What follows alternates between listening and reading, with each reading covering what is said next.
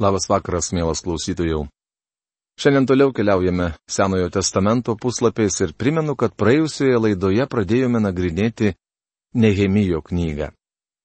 Mes pradėjome pirmojo skyriaus apžvalgą. Noriu priminti šios skyriaus temą - tai Nehemijo malda už likutį Jeruzalėje.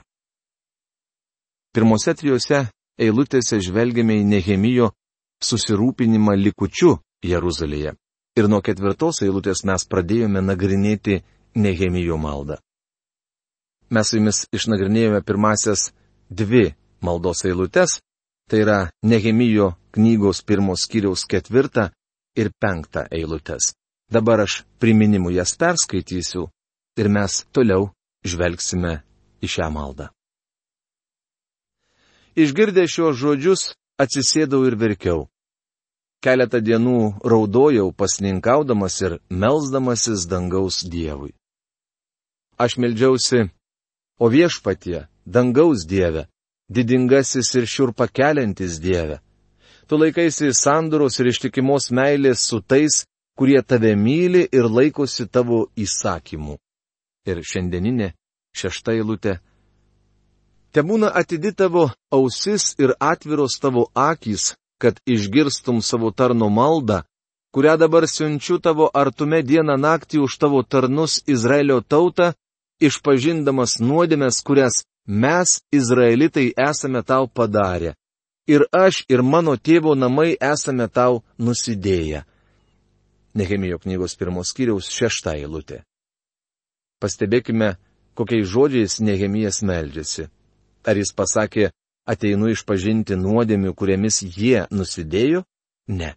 Jis išpažino nuodėmės, kurias mes, Izraelitai, esame tau padarę, ir aš, ir mano tėvų namai esame tau nusidėję. Šis vyras pareiškia tvirtai, aš esu nusidėjėlis. Mano tėvo namai tau nusidėjo. Tauta nusidėjo. Ar dažnai tenka girdėti tokius nuodėmės išpažinimus mūsų bažnyčiose? Savo maldoje Nehemijas pripažįsta, žydus lydėjo nesėkmės dėl jų nuodėmių. Nehemija sako, ir aš ir mano tėvo namai esame nusidėję. Šis žmogus nebuvo nuo savo teisumo kupinas veidmainiškas stebėtojas. Sunkiai įžeidėme tave, nesilaikydami tavo įsakymų, įstatų ir įsakų, kuriuos tu įsakėjai savo tarnui Mozei. Nehemijo knygos pirmos kiriaus septinta eilutė. Iš šios eilutės matome, kad Nehemijas tikėjo Dievo žodžiu. Jis ilsėjusi Dievo žodėje, jis pažinojo Dievo žodį. Jis buvo susirūpinęs dėl to, kad Dievo įsakymų nepaisoma. Bet maldauju atsiminti pažadą, kurį davėjai per mozę tardamas. Jeigu busite neištikimi, aš išblaškysiu jūs tautose. Nehemijo knygos pirmos kiriaus aštunta eilutė. Nehemijas ne tik tikėjo Dievo žodžiu, bet taip pat tikėjo ir žydų sugrįžimu į Jeruzalę. Daug pamokslininkų šiandien to netiki ir galbūt dėl to Dievas kartais naudoja paprastus tikinčiuosius. Dievo tiesa negali visuomet persmelkti mūsų pamokslininkų, tačiau kartais ji pasiekia paprastą tikintįjį. Bet jeigu sugrįšite pas mane ir laikysitės mano įsakymų juos vykdydami, Nors jūsų išblaškytieji būtų prie pačių dangaus kliauto pakraščių, aš surinksiu juos ten ir parvesiu į vietą, kurią esu išsirinkęs buveinę savo vardui. Nehemijo knygos pirmos kiriaus devinta eilutė. Nehemijas kalbėjo viešpačiui, tu pasakėjai, jog išblaškysi mus tautose, jei tau nepaklusime, ir mes nepaklusome. Tu taip pat pasakei, kad jei sugrįšime pas tave, tai nors būtume ir prie pačių dangaus kliauto pakraščių, tu parvesi mus į savo buveinę. Nehemijas tikėjo, kad žydai sugrįš į savo šalį. Jis tuo pasitikėjo ir todėl taip meldėsi. Jie tavo tarnai ir tavo tauta, kurią tu atpirkai savo didžią galybę ir galingą ranką. O viešpatie, te būna tavo ausis atidi tavo tarno maldai ir maldai tavo tarnų, kurie su džiugesiu garbina tavo vardą. Maldauju suteikti sėkmę šiandien tavo tarnui, nuteikti tą žmogų būti jam maloninga. Tuo metu aš buvau karaliaus taurininkas. Nehemijo knygos pirmos kiriaus 10-11 eilutės. Nehemijas trokšta, kad Dievas jį naudotų. Tačiau jis neužbėga Dievui už akių, o meldžiasi. Jis sako, jei nori mane naudoti, aš tau atviras. Kai savo maldoje Nehemijas kalbėjo apie karalių, jis vadino jį tuo žmogumi. Jis ketina prašyti karaliaus, kad jam leistų grįžti į savo šalį. Nehemijas nenori aplenkti Dievo, todėl visų pirma kreipiasi į jį maldoje. Nehemijo knyga, antras skyrius tema - Nehemijas grįžta į Jeruzalę. Nehemijo prašymas leisti jam sugrįžti į Jeruzalę. Šiame skyriuje sužinome, jog Nehemijas prašo karaliaus leidimo ir sugrįžta į Jeruzalę. Jis pamato miesto griuvėsius ir ragina žmonės statyti sienas. 20 karaliaus Artakserkso metų Nisano mėnesį, kai jam buvo patiekiamas vynas, atnešiau vyno ir padaviau karaliui. Jo akivaizdoje niekada nebuvau buvęs taip blogai nusiteikęs. Nehemijo knygos antros skyriaus pirma eilutė. Atkreipkite dėmesį, jog kaip tik čia prasideda 70 Danieliaus savaičių. 20 karaliaus Artakserkso metų Nisano mėnesį. Tai svarbi pranašystės data. Pamatysime, jog Nehemijas yra žavus žmogus. Būčiau norėjęs jį pažinoti, jis toks tikintysis, su kuriuo norisi susipažinti. Jis dirba politinį darbą, tarnauja karaliaus taurininku. Jo užduotis paragauti viską, kas nešama karaliui. Pavyzdžiui, jei karaliui atnešama vyno taurė, visų pirma jo paragauja Nehemijas. Jei jam nenutinka nieko blogo, tuomet ir karalius geria tą vyną. Taigi matote, dirbti taurininku buvo pavojinga. Taurininko darbas reikalavo, kad Nehemijas daug laiko praleistų karaliaus akivaizdoje. Savaime suprantama, jis tapo karaliaus draugu. Manau, jog daugelį kartų, kai karalius turėdavo ką nors nuspręsti, jis klausdavo savo taurininko. O ką tu apie tai manai? Ilgainiui taurininkas tapo tarsi patarėjų, karaliaus kabineto nariu. Turbūt dėl savo darbo Nehemijas pasiliko tremtyje, vildamasis, jog vieną dieną galės pasinaudoti savo padėtimi, kad pagelbėtų savo tautai. Galbūt todėl jis ir paklausė savo brolių, kaip reikalai Jeruzalėje. Nehemijas ruošiasi prašyti karaliaus, tačiau jis dar nepasirengęs. Šią dieną jis nekaip jaučiasi, kadangi išgirdo blogas naujienas apie žydus jų šalyje, jis pasninkavo, liūdėjo ir meldėsi. Manau, jog Nehemijo akis buvo paraudusios. Jis netrodė toks laimingas kaip visuomet. Niekada anksčiau jis nebūdavo liūdnas. Paprastai jis būdavo linksmas guvus jaunuolis. Karalius pastebėjo, kad Nehemijas buvo kaip nesavas. Tad karalius tarė man, kodėl tu atrodai toks prislėgtas? Juk nesirgi. Tai gali būti tik širdgėla. Labai įsigandau, Nehemijo antros kiriaus antra eilutė. Nehemijas nė nenutuokė, kad aplinkiniai pastebi, kaip jis jaučiasi. Jis stengiasi nuslėpti savo jausmus, tačiau greičiausiai nesugebėjo. Todėl karalius jo tiesiai šviesiai paklausė, kodėl esi toks liūdnas, juk nesirgi. Tai gali būti tik širdgėla. Kažkas neduoda tau ramybės? Pasakyk man kas. Išgirdęs karaliaus klausimą, Nehemijas labai įsigando. Bet atsakiau karaliui, te gyvoja karalius amžinai. Kodėl neturėtų mano veidas būti liūdnas, kai tas miestas, vieta mano protėvių kapų, guli sugriautas ir jo vartai ugnies sunaikinti. Nehemijo knygos antros skyriaus trečia eilutė. Nehemijas atsiliepė te gyvoje karalius amžinai. Taurininkas visuomet galėjo tai pasakyti iš visos širdies, nes jis ragaudavo tai, kas patekdavo karaliui ant stalo. Jis vylėsi, kad karalius bus geros sveikatos, o taip pat, kad ir jis pats bus sveikas. Tuomet jis išlėjo tai, kas jį neramino. Kodėl neturėčiau liūdėti, o karaliau mano valdove? Mano protėvių miestas ir jų kapai sugriauti ir miesto vartai ugnies sunaikinti. Tuomet karalius paklausė, kogi prašai? Aš pasimeldžiau dangaus Dievui. Nehemijo knygos antros kiriaus ketvirta eilutė. Arba, taigi aš pasimeldžiau dangaus Dievui. Tai pirmoji eilutė šioje knygoje, kur pasirodo žodelis taigi. Tačiau jis bus pavartotas dar 32 kartus. Nehemijas naudoja šį žodelį kaip trumpesnį kelią aplenkiant protokolą ir įmantrų daugia žodiškumą, kurie nieko nereiškia. Jūs turėsite progą įsitikinti, kad šis žmogus eina tiesiai prie esmės. Jis neišsisukinėja, bet rašo, todėl aš pasimeldžiau dangaus Dievui. Tiesiog karaliaus akivaizdoje. Karalius buvo pasakęs Nehemijui, akivaizdu, jog nori manęs kažko prašyti, tai kogi tu nori. Todėl Nehemijas greitai pasimeldė dangaus Dievui. Malda buvo trumpa ir mano nuomonė. Skambėjo maždaug taip. O viešpatie, padėk man pasakyti tai, ką turėčiau. Esu įvarytas į kampą. Paskui tariau karaliui.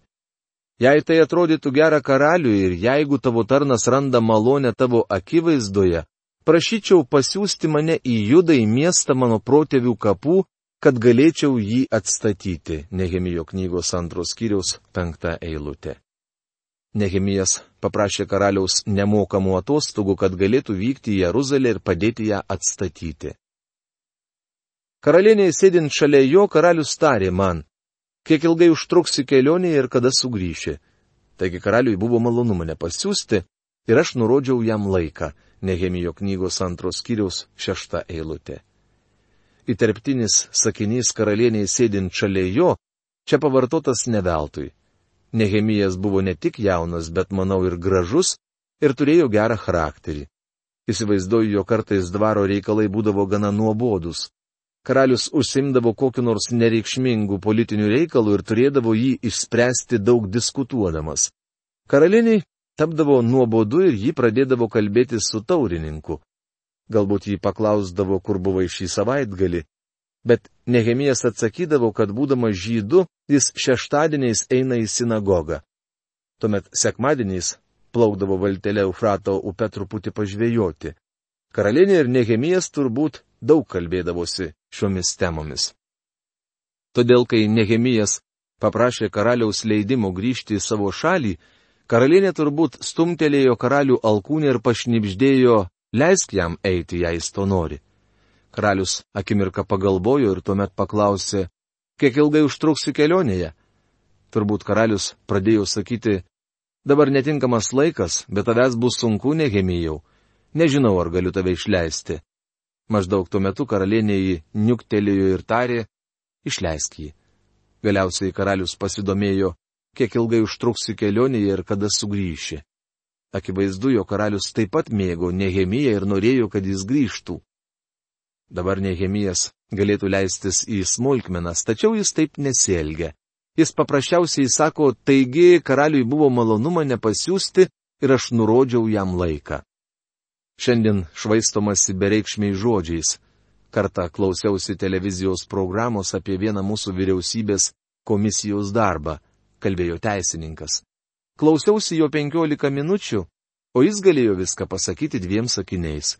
Jis labai ištėsi savo pasakojimą, pasinaudodamas tuo, kad stojo prieš komisiją ir jį filmavo televizija.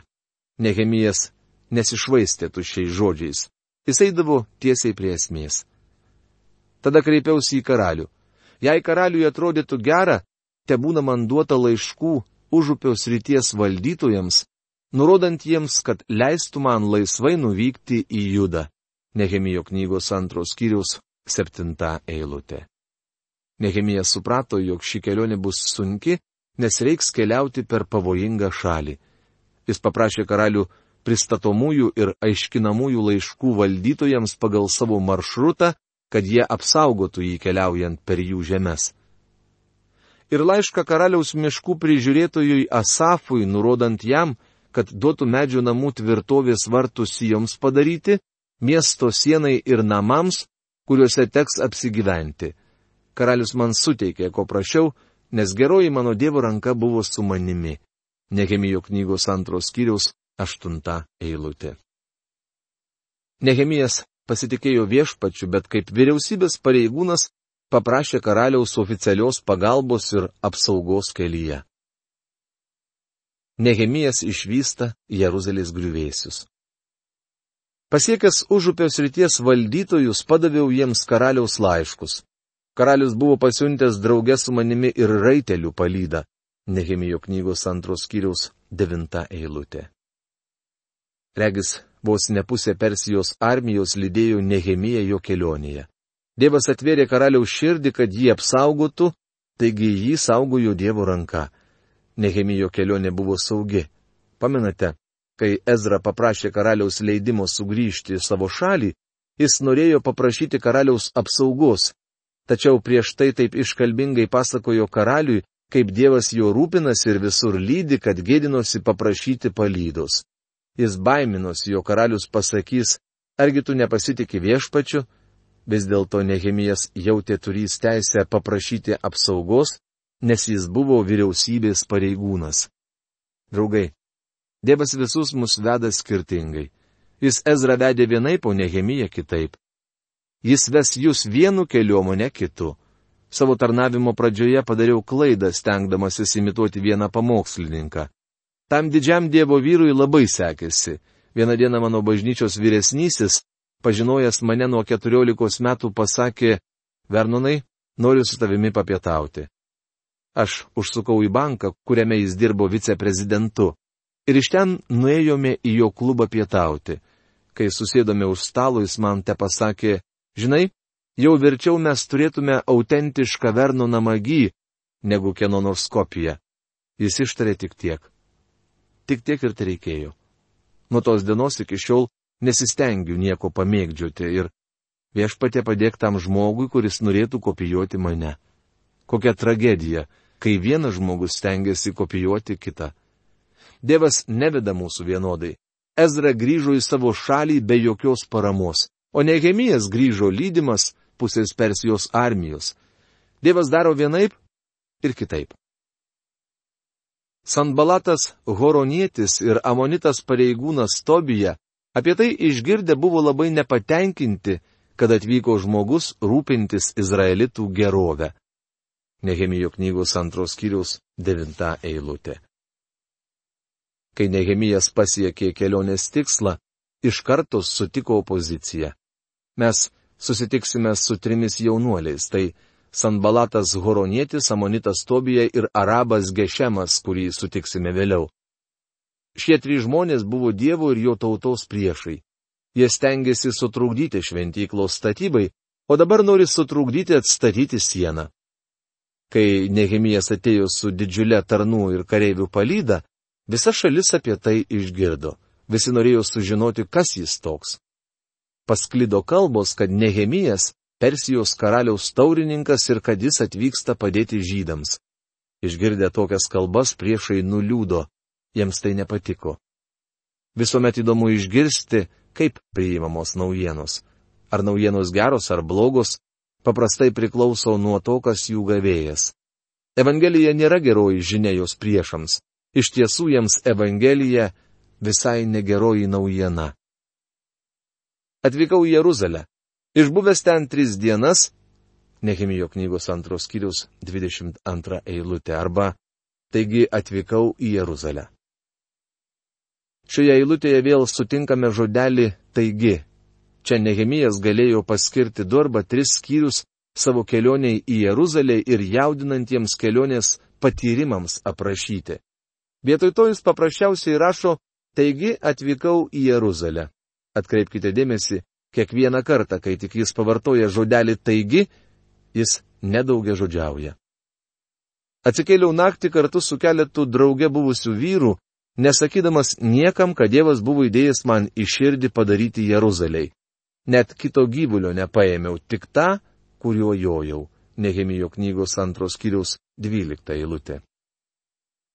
Atvykęs į Jeruzalę, Nehemijas nenorėjo kelti nereikalingo triukšmo todėl išvyko naktį tamsos priedangoje, kad apsižvalgytų ir sužinotų, kokiagi tikroji padėtis. Jo nelidėjo tarnai. Nebuvo jokio parado. Jis buvo paprastas tikintysis. Taip pasielgtų ir verslo žmogus. Naktį išjojau pro slėnio vartus, jojau palei slibino šaltinį ir pasiekiau mėšlo vartus, apžiūrinėdamas Jeruzalės sienas. Jos buvo su spragomis, o vartai ugnies sunaikinti. Paskui nujojau prie šaltinio vartų ir karaliaus tvenkinio, bet nuo čia nebeužteko vietos praeiti gyvuliui, kuriuo jojau. Nehemijo knygos antros kiriaus 13-14 eilutės.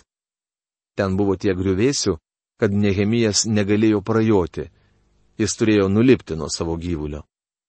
Taigi jo jau naktį per slėnį apžiūrinėdamas sieną. Paskui apsisukau ir įjojęs į miestą pro slėnio vartus sugrįžau. Nehemijo knygos antros kiriaus penkiolikta eilutė. Nehemijas apsuko ratą aplink miestą ir viską apžiūrėjo. Pareigūnai nežinojo, kur buvau išėjęs ir ką dariau mat dar nebuvau pasakęs nei žydams, nei kunigams, nei didžiūnams, nei pareigūnams ir kitiems, turintiems imtis darbo, Nehemijo knygos antros kiriaus 16 eilutė. Nehemijas darydamas Dievo darbą buvo apdairus ir sumanus. Šiandien man patinka matyti, kaip kai kurie nebažnyčios tarnautojai darbuojasi dėl Dievo. Jei leisite, noriu pasidalinti asmeninę patirtimi. Kalifornijoje yra grupė žmonių, kurie sudaro radio laidos kelionė Biblijos puslapiais taryba. Jie reguliariai susitinka ir man jie visuomet didelis padrasinimas. Aš nesu verslo žmogus ir atvirai kalbant, jų patarimai man labai reikalingi. Šie žmonės daro įstabius dalykus. Užtenka vien tik pasiklausyti, kaip jie ką nors aptarinėja. Kartais kuris nors jų pasikviečia mane pietų ir sako, kalbant apie radio tarnavimą, manau, jog tai svarbu. Ir tai paprastai būna kas nors, apie ką aš net nesusimastau. Taigi, Nehemijas taip pat mane suintrigavo. Nepaprastai trokštų skaityti jo istoriją ir pamatyti, kokių jis ėmėsi veiksmų. Ir apie tai mes su jumis kalbėsime kitoje mūsų laidoje. Šiandien mūsų laida baigta. Iki malonaus susitikimų. Sudė.